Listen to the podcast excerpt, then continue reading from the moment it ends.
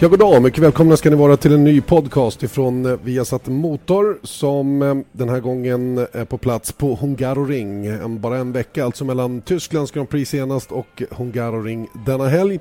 Det sista racet innan sommaruppehållet. Välkommen också Eje Älg. Tusen tack. Allt under kontroll?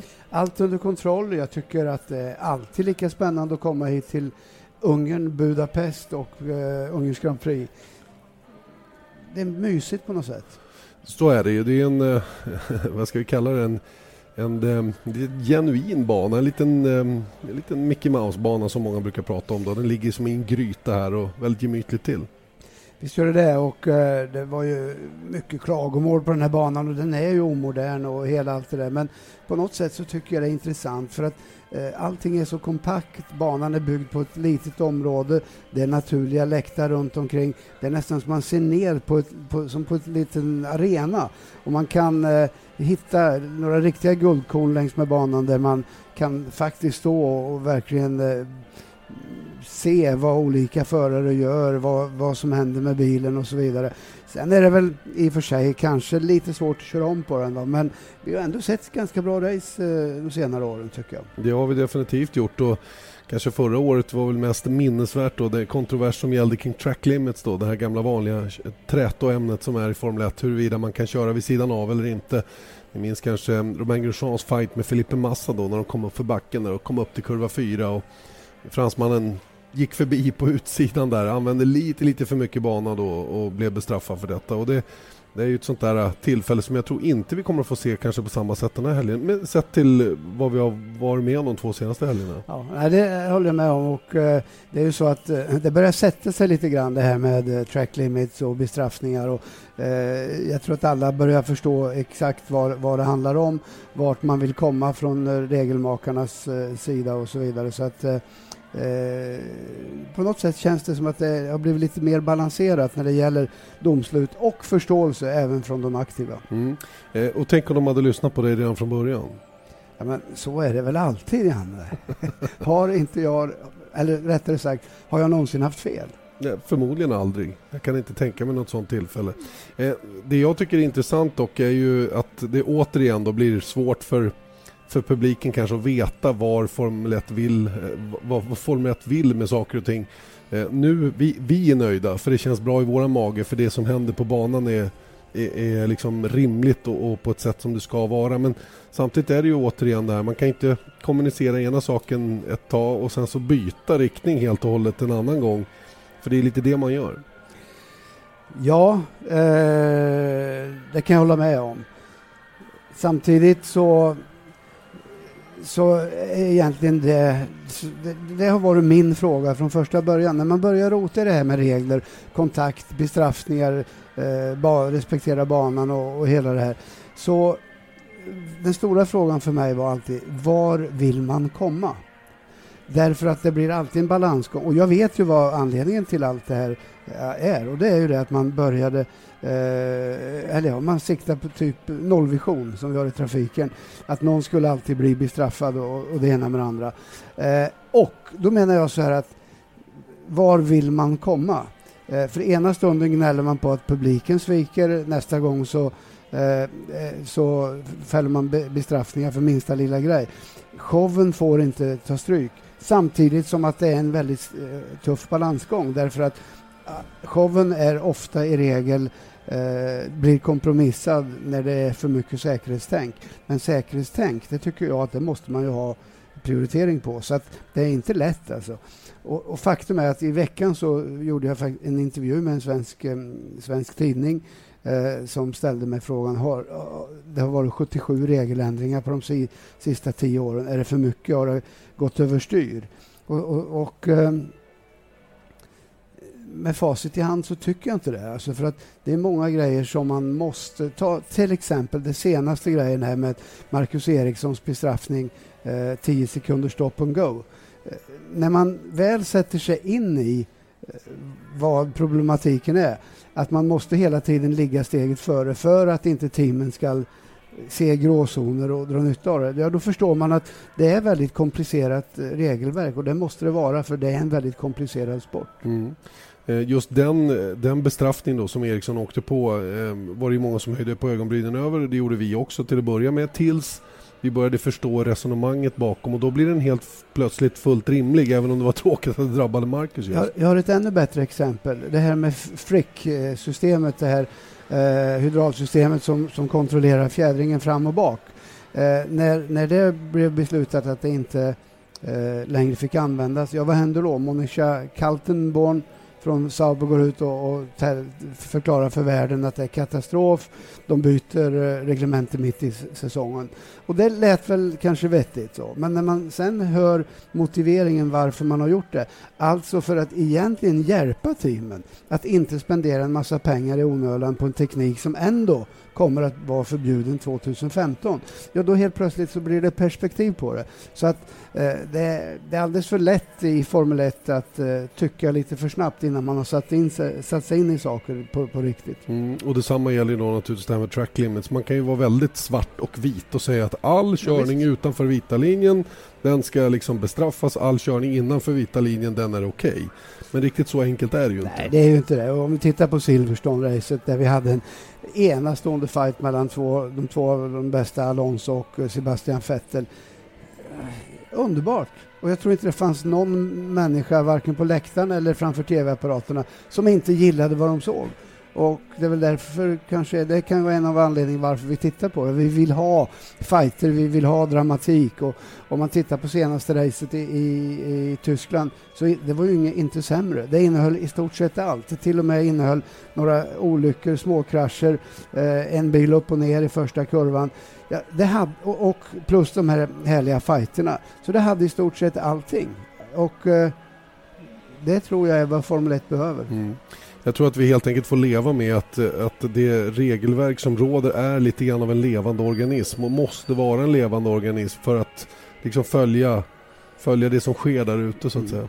Och det har väl hänt att jag tycker att Nicky Lauda är lite väl eh, eh, frispråkig och har lite lätt att överreagera. Va? Men i det här fall, senaste fallet när han sa att nu, nu får det vara nog eh, när det gällde det här med att bestraffa förare för, för minsta lilla kontakt och så vidare. Eh, nu, nu måste de skärpa till sig, ge förarna lite ansvar.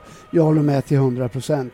Det där är någonting som, som eh, allt det här regelmakeriet som har varit har ju inneburit att en förare som, som är involverad i någonting, ja, han bara säger att nej, men jag, jag, så här är regeln, jag gjorde det och det. Men eh, aldrig att han går och pratar med den andra föraren eller något sånt där. Nu helt plötsligt så har det blivit, och förr också var det på det sättet, då gick man och diskuterade förare emellan. Och det är ju så, så jag menar att det fungerar bättre eh, i, i slutändan. Det var precis det Niki Lauda sa. Ge förarna lite eget ansvar. Och det är klart att det kommer att smälla lite då och då, men jag menar, annars kan vi bara köra tv-spel. Så är det onekligen fallet. Eh, jag tycker som sagt att man har hittat en bra, en bra nivå just nu. Jag är jättenöjd med nivån för närvarande. Det här med att man säger no further action om det är två, två bilar som krokar ihop. Så tittar man på det, ja var det någon uppenbar var det något uppenbart regelbrott eller var det bara en, ett, en, en, eh, så att säga ett misstag eller en, en liten grej? Ja, då låter man det vara helt ja, enkelt. Och det här senaste som inträffade som vi pratade om, massa eh, Kevin Magnussen, första svängen Hockenheim, är ju sånt typexempel. Eh, det, det, går inte att säga att någon gjorde fel där. Eh, möjligtvis om man ska hårdra det så, så, tycker jag personligen att det var jäkligt klantigt av Massa och att, eh, att eh, svänga in som han gjorde. Medveten om eh, första kurvan och så vidare. Och du svänger inte in där eh, om du inte vet att det är tomt. Nu gjorde både Massa och eh, Bottas gjorde en dålig start. Magnusson gjorde en kanonstart. Så att eh, det, det, är bara att räkna med att det, det händer. Och vilket resulterar i att gnällspiken Massa börjar tala om för världen att ja, det är typiskt GP2-förare. Magnusson har aldrig ens kört GP2. Så bara det var ju lite, lite, lite knäppt till att börja med. Men menar på, menar på att ja, vi måste se till att de här uh, ungtupparna som kommer in inte bara gör misstag. Det är alltid de som ställer till det. Eh, det är ju så töntigt så det finns inte. Vi måste ha lite, lite roliga fighter och självklart ska ingen slå sig. Men jag menar, du ser ju själv, vi har haft tre bilar i år, som har, eller två i alla fall, som har varit upp och ner. Ingen har skadat sig. Nej. Nej, det är ju en sak och det är väl, det är väl turligt att det är på det viset. Så att säga. Sen, sen kan man också tycka att Massa med all sin rutin som man har borde ju förstå att om man chansar för mycket så kan det få konsekvenser för den egna prestationen och det har det ju fått nu då. Ja, han, du, han, menar på att det, allt är otur och, och, så vidare, att han råkar vara just den som får ta allt det här. Men jag menar, du kan inte ständigt vara involverad i, i sådana här saker. Åtminstone tre tillfällen så har han varit involverad i första varvet eh, incidenter. Eh, vissa är in, naturligtvis inte hans fel, men det var det för mycket grejer och eh, det är bara att konstatera att han, han, är, han är lite på fel ställe vid fel tidpunkt just nu. Mm, lite jagad av att han för närvarande har en fru A lot can happen in the next three years. Like a chatbot may be your new best friend. But what won't change? Needing health insurance. United Healthcare Tri Term Medical Plans are available for these changing times. Underwritten by Golden Rule Insurance Company, they offer budget friendly, flexible coverage for people who are in between jobs or missed open enrollment. The plans last nearly three years in some states, with access to a nationwide network of doctors and hospitals. So, for whatever tomorrow brings, United Healthcare Tri Term Medical Plans may be for you. Learn more at uh1.com. Say hello to a new era of mental health care. Cerebral is here to help you achieve your mental wellness goals with professional therapy and medication management support. 100% online. You'll experience the all new Cerebral Way, an innovative approach to mental wellness designed around you.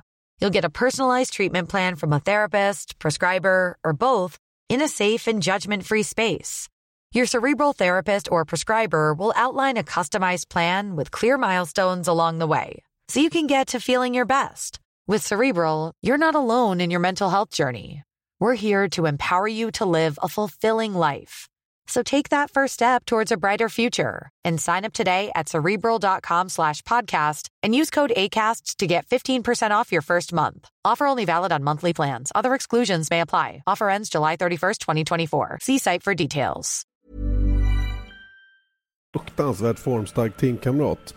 Eh, Valtteri som eh, med tre raka pallplatser verkligen seglar upp nu och det är ju det är ju egentligen tack vare, eller på grund av att Massa inte då har, har tagit så många poäng som, som bilen är kapabel över så att säga, som de inte är högre upp i konstruktörs-VM just nu. Eh, Bottas är riktigt, riktigt på hugget och jag mötte honom när han kom idag, stannade till, skakade hand, tjena mors, hej, vilken, vilken, vilken soft och vilken trevlig kille. Han har bägge fötterna på jorden och eh, har kontroll, balans eh, mentalt och varje resultat som han gör, typ England, Tyskland är Österrike. Eh, det gör att han blir bara starkare och starkare. Så att i kombination med en eh, oerhört stark eh, och körvänlig Williams-bil så är de definitivt att räkna med, eller han är att räkna med. Dessutom så sägs det ju att Williams nu kommer med, med ett uppdateringspaket till den här helgen här i Ungern som man hoppas ska kunna göra att man är, kommer ännu lite närmare då eller kan fortsätta jaga Red Bull då i konstruktörs-VM. Man kan alltid hoppas. Ja, det kan, det kan man göra. det här med uppdateringar vet vi ju att Eh, många gånger fungerar det men eh, många gånger fungerar det inte. Eh, det som Williams i alla fall har just nu det är ju en fruktansvärt snabb bil rakt fram och det visar sig ju i kampen Bottas-Hamilton senaste. Hamilton nog hade den snabbare bilen utav de två men där Bottas som han själv sa efteråt då det viktiga för honom var ju att få bra engine modes som han sa och för egen del göra bra utgångar ut ur svängarna för då visste han att han höll Hamilton bakom sig. Ja, och det, det där skötte han ju perfekt så att eh, samspelet mellan racingingenjörerna och han är, är ju riktigt bra nu. Men Janne, när du har medvind, sådana här saker bara faller sig naturligt, det blir så lätt. Va? Och eh, nu har han liksom brutit igenom den där vallen, känner att han är på väg att etablera sig på hög nivå i F1. Det finns ingenting som stoppar honom nu, han kan bli hur bra som helst. Och, eh, vi har haft eh, eh Alonso i veckan säga att hur, eh, beskriva hur fantastisk han tycker att Ricciardo är, som har varit så mycket bättre än Vettel under året. Vakna upp. Va, vad hade de räknat med? De här killarna som kommer från GP3, GP2, World Series, de är duktiga. Ger de material, materialet så kommer de att konkurrera med de här eh, gossarna. Rävarna, ja. ja, absolut. Mm. Så jag är inte det minsta förvånad. Um, nej, det är, det är verkligen uppenbart att det är på det viset. En annan fråga som jag måste ställa till dig nu då, som, som har bättre koll på det än vad jag har. Upplever du att årets reglement och årets säsong eh, pekar ut förare tydligare om man inte trivs med bilen så att säga då, i det avseendet att år, årets, eh, årets reglement har gjort att vissa förare trivs eh, tydligare med den bil man har än andra. Som, som vi har skillnaden till exempel i Ferrari just nu. Nej, det tycker jag inte. Det är någonting som alltid har funnits.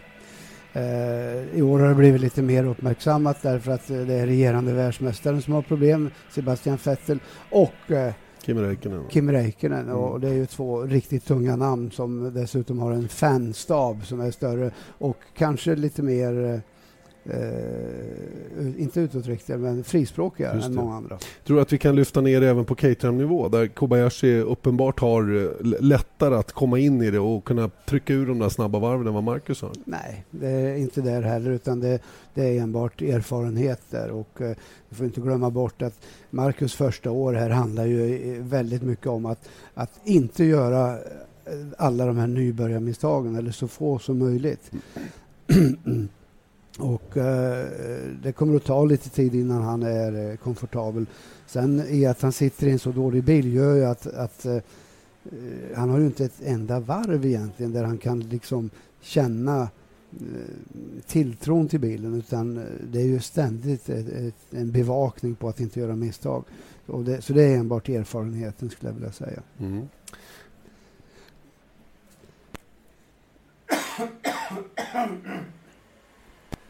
liten hostattack där, men det får man ha när det är podcast, ja. tycker jag. Det är helt okej. Okay. Eh, Hungaroring, vi, vi pratade om den lilla trånga Hungaroring med väldigt få omkörningsställen. Vi pratade Frick, Eh, det här front and rear interconnected eh, suspension då, som alltså är förbjudet från och med förra tävlingen i Tyskland. Eh, man kommer hit utan den. Här är det många långsamma svängar. Det talas om att det faktum att man måste lyfta markfrigången fram på bilen så mycket som upp mot en centimeter gör att man tappar mycket downforce in i långa svängar. Kan det här bli ett större problem här än det var senast? Nej, jag tycker inte att det kan bli ett större problem därför att problemet kommer att, att vara lika över i stort sett hela, hela linjen.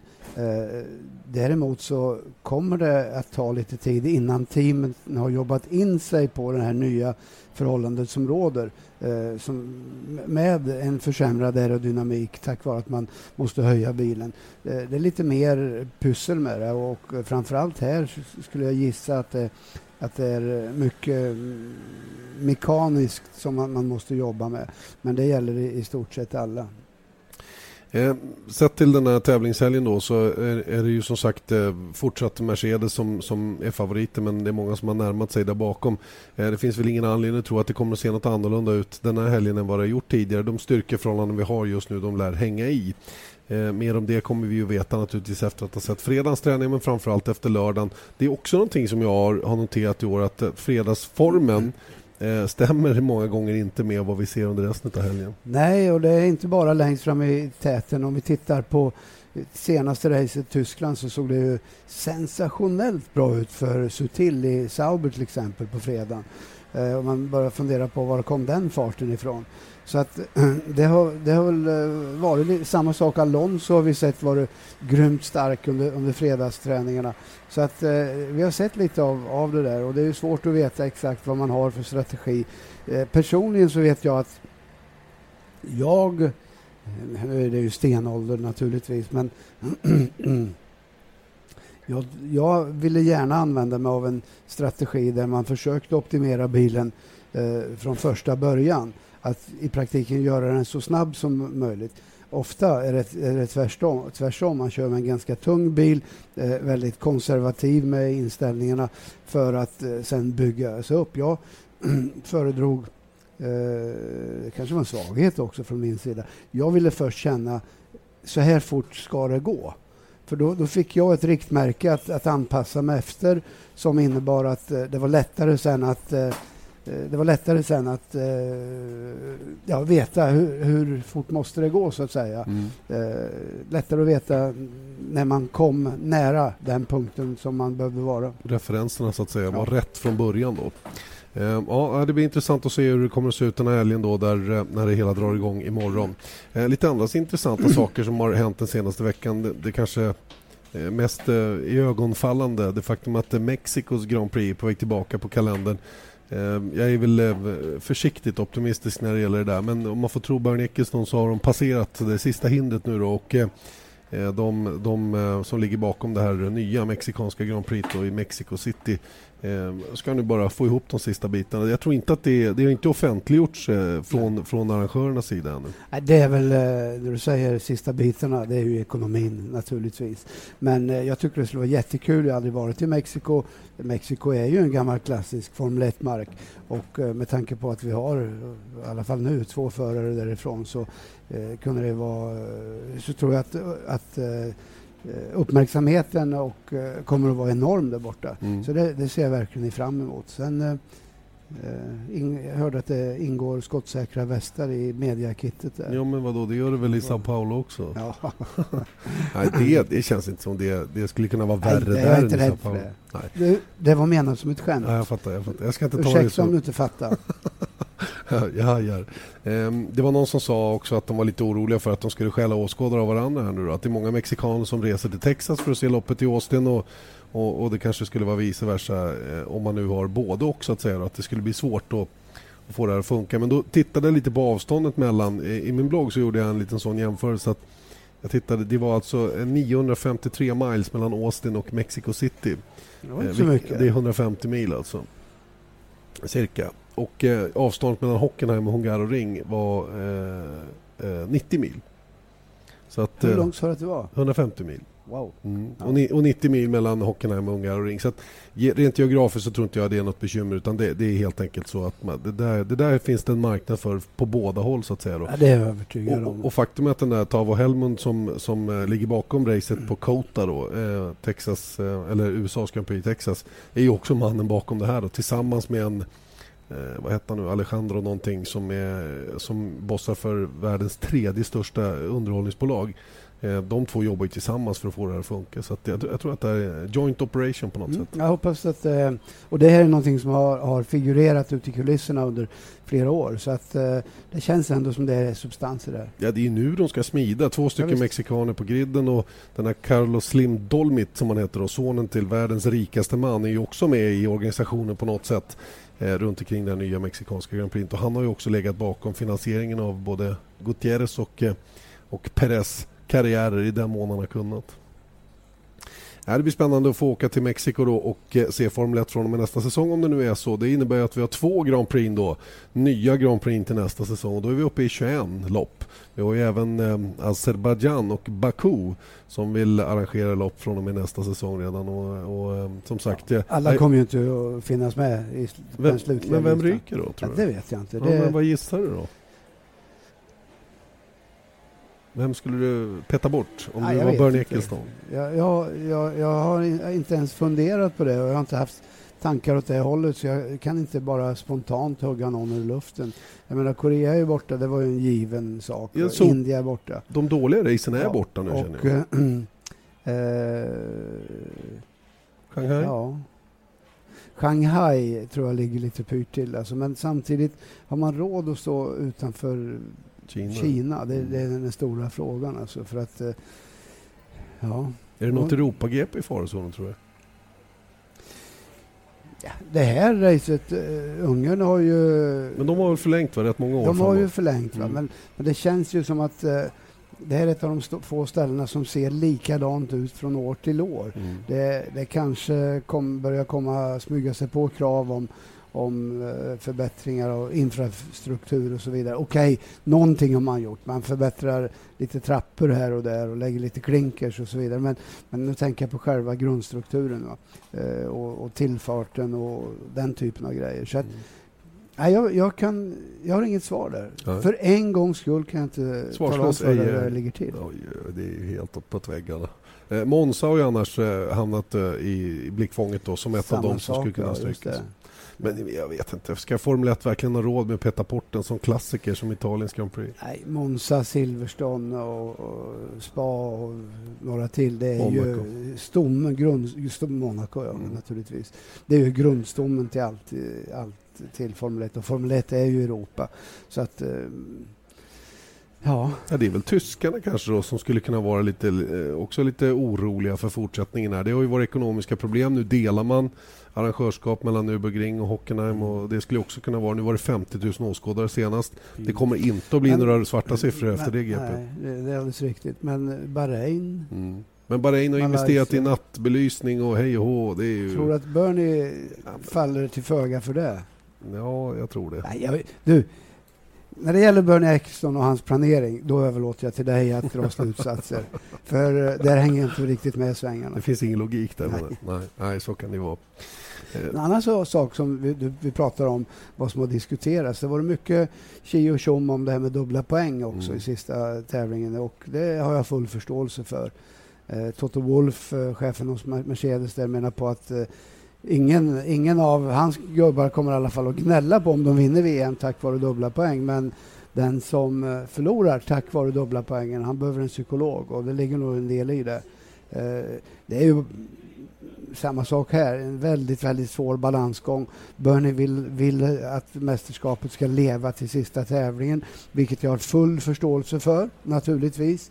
Men eh, till vilket pris? För att eh, eh, många anser ju att det är osportsligt och det kan jag väl hålla med om beroende på vad, jag menar, vad, vad man har för utgångspunkt. så att säga. Nu är det ju så att det här har vi vetat om ända sedan säsongen började. Så att är det så osportsligt som man inte vill, vill vara med, ja då behöver man ju inte vara med heller. nej, om man 49 poäng efter då vid sista tävlingen, då tycker man nog att det är ganska Ja. fränt. Då är det kul Ja. att åka på race, race Mm. eller racertävling. Just så.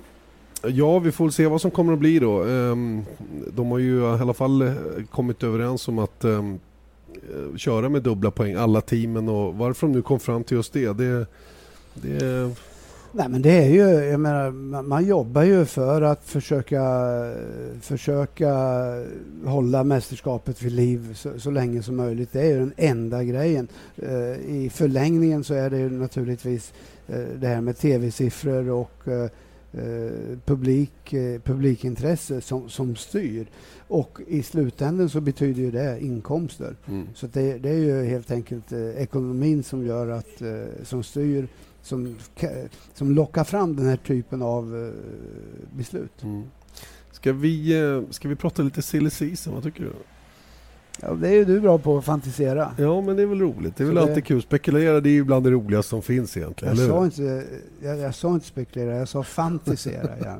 Ja, men mina, jag har vild fantasi. Så att, eh, låt, oss, eh, låt oss titta lite grann på, på hur saker och ting skulle kunna se ut där framöver. Det senaste är ju att Ferrari eh, med, ganska, med näbbar och klor får man nästan säga försöker att behålla Fernando Alonso en säsong till. Det är väl ingen tvekan om att Fer, eh, Fernando tittar på alternativ. här. Han vill ju vinna VM till varje pris innan han lägger av. För att åren går ju här och han har inte jättemånga chanser kvar. Och Eh, Det är ju inte heller någon överraskning att McLaren har varit där och ryckt i Fernando Alonso, kanske redan till nästa säsong.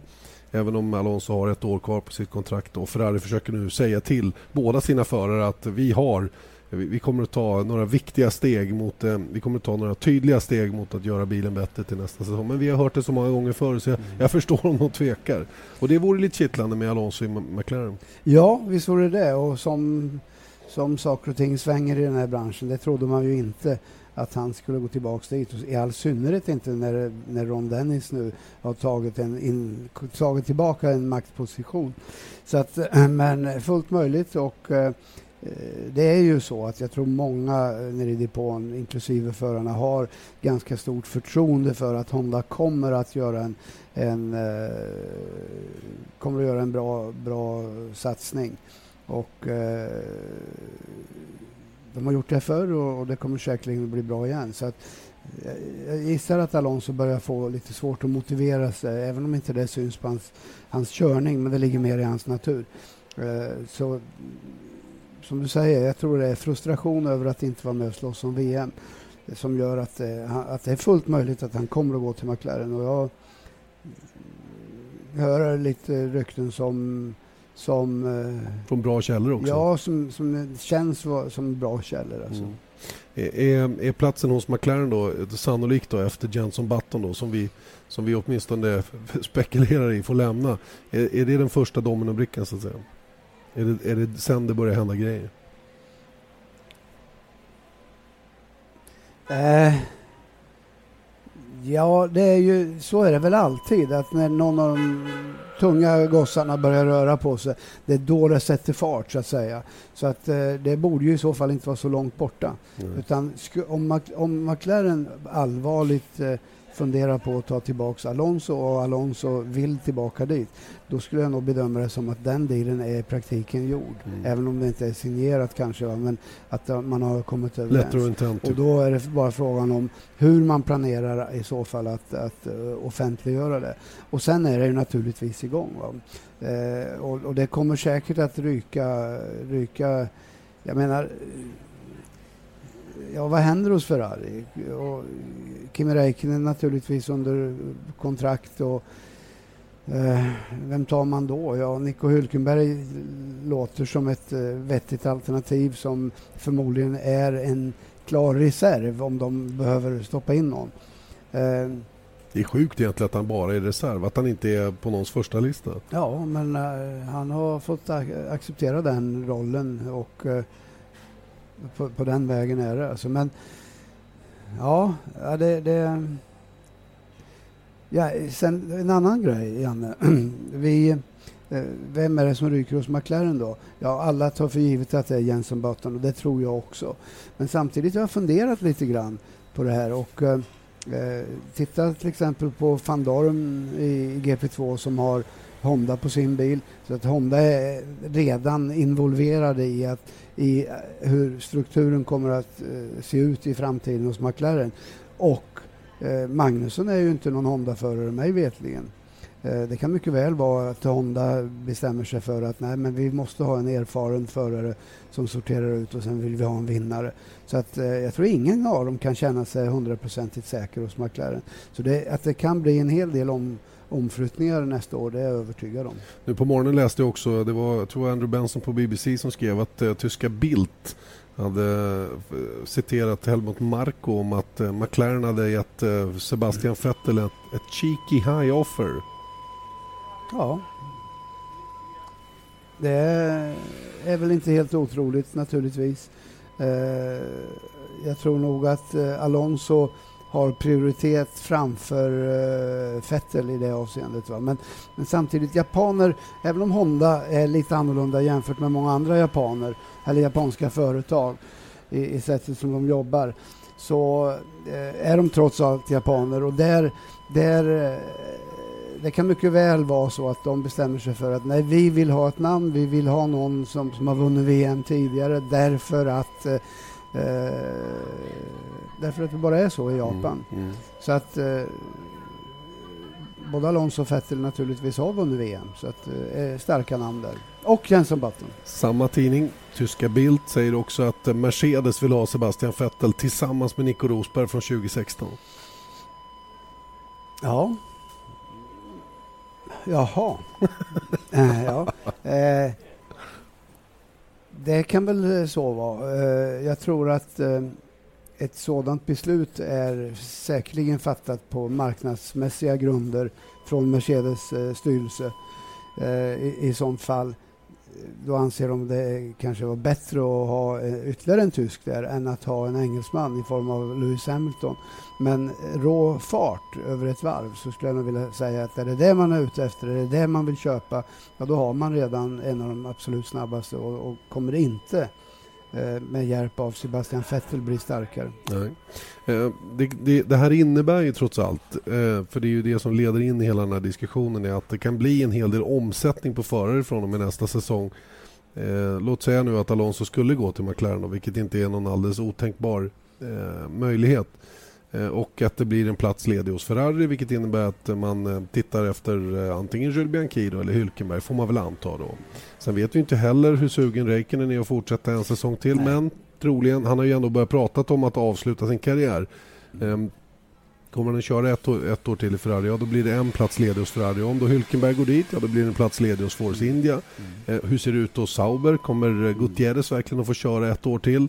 Jag tror säkert att man kommer att försöka, från mexikanskt håll i alla fall, men just med tanke på ett hemma Grand Prix då nästa säsong. Ja, faktum är Jan att där eh, har pratats redan där nere i depån om nu att Sutil kanske inte ens ska göra klart eh, säsongen utan Guido van der Schard kommer att, eh, kommer att avsluta den. Och då är det ju som sagt var ytterligare, ytterligare lite förflyttningar där. Mm. Ja, det, det är som sagt, det eh, finns anledning att vara lite, vara lite uppmärksam på det här framöver i alla fall och se vad som händer. Och det, det är ju också intressant för svenskt vidkommande självklart då med Marcus Eriksson och Caterham och i och med att Caterham inte har Gud eh, vad det piper här inne. Jag vet inte riktigt var det kommer ifrån om jag ska vara riktigt ärlig. Men nu, vi får leva med det så länge. Vi sitter alltså i vår kommentatorshytt och någonstans piper det väldigt högt. Men eh, det kanske försvinner vad det lider, jag vet inte. Det, kom, det kommer och går i alla fall. Eh, som sagt, Marcus Eriksson i Caterham där, det är, ju, eh, det är väl ingen eh, vildgissning vild gissning att man tittar där också på att eh, hitta alternativ. Eh, Caterham är ju, har ju varit långt ifrån bra i år och nu vet man inte riktigt vad teamet tar för riktningar med nya ägare och allt vad det nu kan vara. Nej, men samtidigt så det man säger och, och, hos de, från de nya ägarna är ju ganska positiva. Sen om man orkar eh, rent ekonomiskt genomföra det, det är väl eh, den stora frågan. Låt oss vänta och se. En sån kille som Valtteri Bottas borde ju också segla upp som en väldigt het kandidat för många andra team. Då. Visserligen sitter han just nu då i en bra bil hos Williams. Och Williams kommer säkert att, eh, få in bra med kapital i teamet nu. Då. De är ju börsnoterat dessutom och, och resultat brukar ju vara gynnsamt för, för investerare då, att kanske vilja komma in och, och vara med. Um, ja, han, borde, han borde vara en contender för rätt bra platser Absolut, framöver. men jag tror, jag tror samtidigt att, eh, att uh, Williams kommer att slåss med näbbar och klor för att få behålla honom. Men sen har han ju då Mika Häkkinen och eh, Didier Coton som man management där som Eh, kanske inte riktigt nöjda utan vill ha honom eh, ett snäpp ännu högre upp, något av de stora teamen. Eh, han kör till sig en riktigt, riktigt bra karriär nu och eh, jag är inte förvånad om vi hittar honom hos något annat team. Nej. Så att det finns mycket att vara eh, uppmärksam på framöver när det gäller just silly season. Då. Det här är ju bara en liten början. Den har inte riktigt dragit igång än, ärligt talat. Den drog igång för tio minuter Jo, sedan. det gjorde den. Det vi som startade den. Så är det givetvis. Nu är den igång. Nu är den igång. Ja. Men, eh, men eh, de riktiga storfräsarna nere, med all respekt för vår påverkan på saker och ting så, så får vi väl se när det börjar hända grejer här framöver. Eh, du, Eh, tänkte vi skulle prata lite grann om eh, hung, Ungerns Grand Prix. Ungerns Grand Prix eh, bakåt i tiden. Det, det, det finns ju... som har så dåligt minne. Ja, men några, några ska vi försöka komma ihåg i alla fall. Jag tycker vi, vi har några sköna. Eh, vi börjar en bit in på 90-talet så vill jag minnas att vi hade en bra tävling 1997 till exempel. Ja, men jag hade ju en kuggfråga. Vem, okay. Vilken är den sista finnen som har vunnit Ungerns Grand Prix? Sista finnen var Heikki Kovalainen 2008. Där satt den. Helt rätt. Tänk vad duktig du är. Ja, men jag har lite speciella minnen från den helgen. Så det var en väldigt speciell helg för vår del, om du kommer ihåg. Nej, det kommer jag inte jo, ihåg. vi skulle intervjua Heikki precis innan start. Jaha. Och Eje Älg skulle sköta kameran. Och jag skulle göra själva intervjun. Var det här? Ja, det var här det. Ja, du sa håll till höger och jag höll till vänster. ja, det var nog bland de sämsta eh, fotograferingar jag sett jag, hela mitt liv. Men oavsett det, alltså, det blev väldigt kul. Vi gjorde det kvart över tolv tror jag innan start. Det var väldigt bråttom med allting och det blev pannkaka alldeles. Nej, det var min debut som kameraman. Som fotograf, alltså. ja. Det. Eh, jag fick inga erbjudanden heller efter, efter det här. Nej, det ska ja. gudarna veta. Hur som helst, det var det. Men om vi backar tillbaka på 90-talet. Det var ju eh, 97 som sagt då, kommer ni ihåg det? Damon Hill i en Arrows i ledningen med några få varv kvar och så pajade hydrauliken i hans bil. Han passerades av Jacques Villeneuve alldeles på slutet. Det var ju en fantastisk tävling och det var ju en sån här, en verkligen underdog-historia som, som kunde ha slagit, slagit väl ut. Han kommer från att vara världsmästare med Williams till att inte få förlängt kontrakt med dem och få sätta sig i en Arrows som, som var långt ifrån konkurrens. Det, det, var väl så att han var lite underbetald för att, för att eh, det, det året som han vann VM och nor helt normalt som regerande världsmästare så har man väl rätt att eh, kräva lite påökt kanske. Han eh, fick inte det av Williams och då fick han nöja sig med, med Arrows istället. Eh, kanonrace naturligtvis, mycket hjälpt av att eh, Arrows då körde på Bridgestone. Just det. Eh, som passade alldeles förträffligt runt där. Och han var snabb. Jag, jag själv satt jag bara och väntade på att de där räcken skulle gå av efter tre, fyra varv och att han skulle bara bli passerad. Men som han hängde i. Alltså. Mm. Jacques Villeneuve som för övrigt vann året innan också, 1996. Men eh, de två vinsterna var väl hans enda då i karriären just här. Michael Schumacher vann ju ett minnesvärt lopp 1998. En trestoppare som, eh, som tog alla på sängen. Han formligen rundade hela gänget den gången. Ja, just det. Ja, det var några roliga race här, helt klart. Mm. Alltså.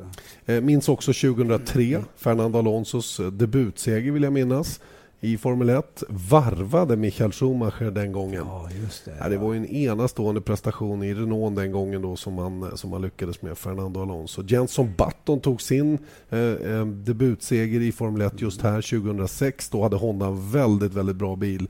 Eh, det var en stökig tävling som var torr och blöt lite om vartannat. Mm. Eh, Kovalainen tog sin, eh, debut, enda sin enda och debutseger här då 2008 som vi nämnde. Mm. Eh, Lewis Hamilton har ju för övrigt eh, tagit fyra segrar just här. 2007, han tog den 2009 och så vann han också 12 och 13. Så att han är väl eh, av de som kör just nu de mest vinstrik på den här banan. Annars är det här ett klassiskt finskt fäste. Det är ju jag minns på Häcken en storhetstid, där 97, 98, 99 så var det ju busslaster, flygplan. Det bara välde in finländare som kom hit till Ungern och, bara älskade att vara här. Och... Roligt hade de också. Ja, det hade de verkligen. Häcken ja, var ju stark. stämning alltså. Som ja. det, var. det var ju ett, eh, ett av de ställena med absolut bäst atmosfär av, av alla race. Häckenen som vann både 99 och 2000 på den här banan alltså. Så att det har funnits många minnesvärda tillfällen just här på Ring och eh, förhoppningsvis så kommer vi väl att få något liknande också denna helg. Då. Det finns mycket som talar för det i alla fall med tanke på hur det har sett ut så här långt under säsongen. Jag ska påpeka då också att eh, inte bara att Hamilton har vunnit de två senaste åren. Han har också varit på pool de två senaste åren. Så det här är ett riktigt starkt fäste. Han har för övrigt fyra stycken pool också. Så att, eh, ja, riktigt, riktigt starkt. Mm. Det är lite av det som finns att prata om då inför den här eh, elfte deltävlingen av årets Formel 1-VM. Den sista alltså innan sommaruppehållet. Alla får välbehövlig vila, fyra veckor, varav två veckor va, som fabrikerna är helt stängda. Stämmer bra det. Och eh, Då kommer ju alla naturligtvis att eh, kraftsamla lite igen. De här två veckorna som, som fabrikerna är öppna då får de chansen att verkligen gruppera om och, och hitta lite hitta lite, mm, ja, hitta lite ny kraft så att säga. Och det gäller ju inte minst då Caterham som har utlovat ett nytt uppdateringspaket då till Belgiens Grand Prix. Och det är man ju lite spänd på att se vad det kommer att innebära. Jag, jag har väl inte jättestora ja, förhoppningar. En, enligt uppgift så har man jobbat med det nu i, i de sista två veckorna. Eh, använt eh, Toyotas fina vindtunnel i Köln och eh, produktionen av, av, detta måste väl i stort sett vara igång eller börja väldigt, väldigt snart om de ska hinna få det klart. Mm. Sen eh, läser man ju också då att Caterham eh, drygar ut sitt eh, juniorprogram med två rätt speciella namn om jag ska vara riktigt ärlig. Namn som som jag känner enbart bidrar ekonomiskt. Ingenting annat. Natal Berton från GP2 som inte gör någon eh, större lycka där.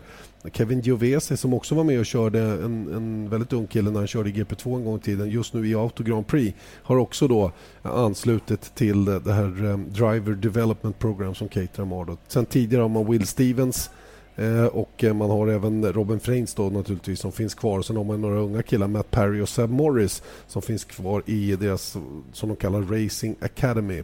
Så att eh, på något sätt så eh, försöker man i alla fall. Men, jag, jag kan som inte se att de här gubbarna skulle vara några, några utropstecken som man vill ha i ett juniorprogram. Nej, jag kan inte annat än hålla med dig om, om detta. Eh, sen har, har, vi också Harry Anto. Harry Anto finns ju med, finns men med det känns som att han ändå hade koppling mer till Tony Fernandes till teamet som sådant. Ja, det hade han väl. Men nu skulle han ju testa efter Silverstone där och, och så vidare. Och han har ju en, eh, ett eh, indonesiskt oljebolag som, eh, som huvudsponsor som jag vet är av intresse för, för många att uh, få närmare kontakt med. Så att han har väl ingen dålig situation även om han på banan inte har gjort så bra ifrån sig. Så det finns en stor grupp av, av förare, eller unga pojkar där hos uh, Caterham som finns med i rullarna. Uh, vad det ska bli av det, det vet jag inte. Och uh, exakt hur man när man inte liksom kan ha bättre ordning på, på, det, på Formel 1-teamet varför ska man ha eh, hela den här administrationen att också ta hand om? Det kan inte jag svara på. Men, men eh, du får väl analysera lite grann och tala om hur det ja, ligger till. Hur det ligger till där så småningom. Det får bli slutord härifrån kommentatorshytten på Garo Ring. Denna podcast är därmed över. Vi ber att få rekommendera oss och eh, rekommenderar framförallt våra sändningar under helgen där vi drar igång imorgon fredag 09.55 med träning 1, 13.55 med träning 2. Sen är det ju då 10.55 på söndag eller förlåt, lördag förmiddag och sen är det ju kval då 13.45 loppet på söndag är som vanligt 13.30. Sen har ni ju all GP2 och eh, även Porsche Supercup då som ni följer lördag söndag eh, i vår kanal. Så eh, det finns mycket att hänga med på under helgen. Eh, Lag-VM i speedway har vi bland annat som är på gång också. Det ska ni också hålla utkik efter i våra tablåer. Eh, som sagt, vi ber därmed att få runda av härifrån och eh, återkommer då närmast i tv-apparaten imorgon förmiddag. Tills dess säger vi nu tack och på Janne Blomqvist och Eje Elg. Thank you.